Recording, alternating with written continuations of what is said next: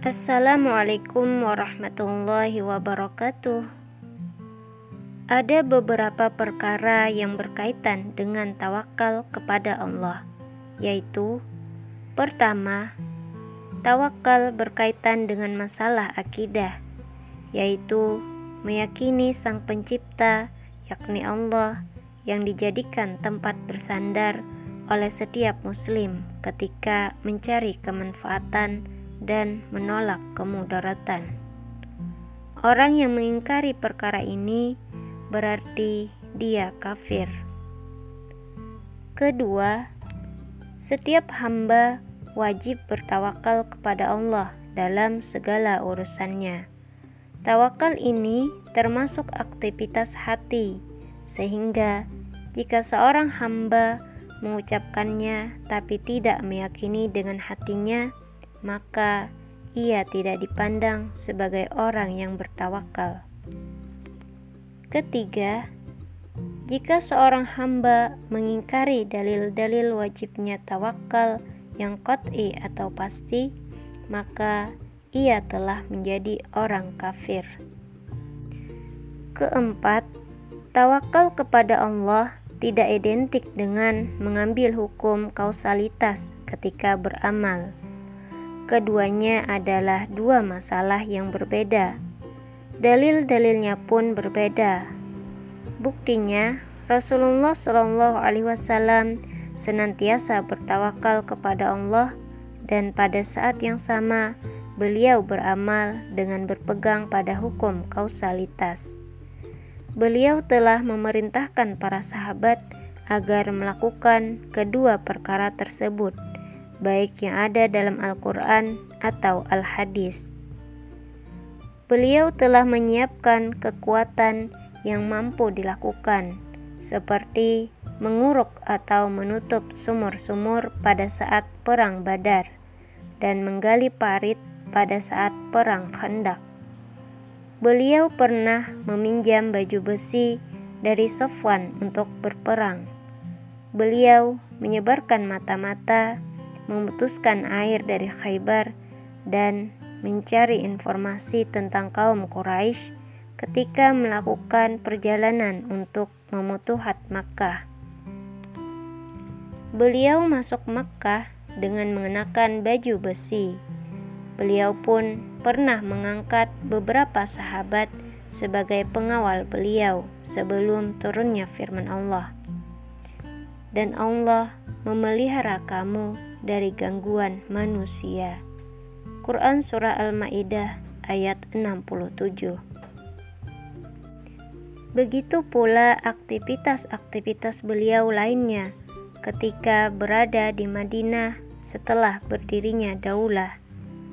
Adapun ketika di Makkah, beliau telah memerintahkan para sahabat untuk hijrah ke Habasyah beliau menerima perlindungan dari pamannya Abu Talib. Beliau tinggal di Syi'ib atau lembah selama masa pemboikotan.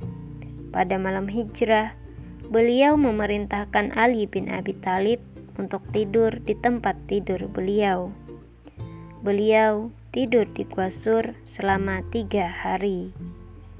Beliau pun menyewa penunjuk jalan dari Bani Dail semua itu menunjukkan bahwa beliau telah melakukan amal sesuai kaidah kausalitas. Tapi pada saat yang sama, beliau pun tidak menafikan tawakal, karena tidak ada hubungan antara tawakal dengan menggunakan kaidah kausalitas ketika beramal. Mencampur adukan antara keduanya akan menjadikan tawakal hanya sekedar formalitas belaka yang tidak ada dampaknya dalam kehidupan. Adapun dalil-dalil tentang kewajiban bertawakal antara lain firman Allah, yaitu orang-orang yang mentaati Allah dan Rasul, yang kepada mereka ada orang-orang yang mengatakan, Sesungguhnya manusia telah mengumpulkan pasukan untuk menyerang kamu. Karena itu, takutlah kepada mereka. Maka perkataan itu menambah keimanan mereka Dan mereka menjawab, Cukuplah Allah menjadi penolong kami dan Allah adalah sebaik-baik pelindung. Quran Surah Ali Imran ayat 173 Dan bertawakallah kepada Allah yang hidup kekal, yang tidak mati. Quran Surah Al-Furqan ayat 58 Dan hanya kepada Allah orang-orang yang beriman harus bertawakal.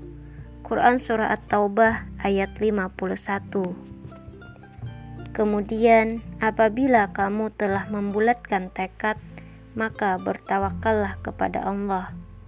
Quran Surah Ali Imran ayat 159 Dan barang siapa yang bertawakal kepada Allah, niscaya Allah akan mencukupkan keperluannya. Quran Surah At-Talaq ayat 3 Maka sembahlah dia dan bertawakallah kepadanya. Quran Surah Hud ayat 123 Jika mereka berpaling dari keimanan maka katakanlah Cukuplah Allah bagiku. Tidak ada Tuhan selain dia. Hanya kepadanya aku bertawakal dan dia adalah Tuhan yang memiliki arsy yang agung. Quran Surah At-Taubah ayat 129 Barang siapa yang tawakal kepada Allah, maka sesungguhnya Allah maha perkasa lagi maha bijaksana. Quran Surah Al-Anfal ayat 40 Dan masih banyak ayat-ayat yang lainnya yang menunjukkan wajibnya bertawakal. Dari Ibnu Abbas radhiyallahu an dalam hadis yang menceritakan 70 ribu golongan yang akan masuk surga tanpa dihisap dan tanpa disiksa terlebih dahulu. Rasulullah Shallallahu Alaihi Wasallam bersabda, mereka adalah orang-orang yang tidak melakukan praktek rukyah dan minta dirukyah juga tidak melakukan praktek tatayur dan mereka senantiasa bertawakal kepada Tuhannya. Mutafak alaih. Dari Ibnu Abbas radhiyallahu an, sesungguhnya Rasulullah shallallahu alaihi wasallam ketika bangun malam untuk bertahajud suka membaca Ya Allah, hanya kepadamu aku berserah diri, hanya kepadamu aku beriman, dan hanya kepadamu aku bertawakal. Mutafak alaih. Dari Abu Bakar radhiyallahu an, ia berkata, "Ketika kami berdua sedang ada di Gua Sur, aku melihat kaki-kaki kaum musyrik dan mereka ada di atas kami." Aku berkata, "Wahai Rasulullah, jika salah seorang dari mereka melihat ke bawah kakinya, maka pasti ia akan melihat kita." Kemudian Rasulullah Shallallahu Alaihi Wasallam bersabda, "Wahai Abu Bakar, apa dugaanmu terhadap dua orang manusia, sementara Allah adalah yang ketiganya?" Mutafak alaih. Dari Ummi Salmah radhiyallahu an, sesungguhnya Nabi Shallallahu alaihi wasallam ketika akan keluar dari rumah, beliau suka membaca dengan menyebut nama Allah, aku bertawakal kepada Allah. Hadis riwayat At-Tirmizi, ia berkata hadis ini hasan sahih. An-Nawawi dalam Riyadus Salihin berkomentar Hadis ini sahih. Dari Anas bin Malik, sesungguhnya Rasulullah Shallallahu Alaihi Wasallam bersabda, jika seseorang akan keluar dari rumahnya kemudian membaca dengan nama Allah, aku bertawakal kepada Allah. Tidak ada daya dan kekuatan kecuali dengan kekuasaan Allah maka akan dikatakan kepadanya, "Cukup bagimu, engkau sungguh telah diberi kecukupan. Engkau pasti akan diberi petunjuk dan engkau pasti dipelihara.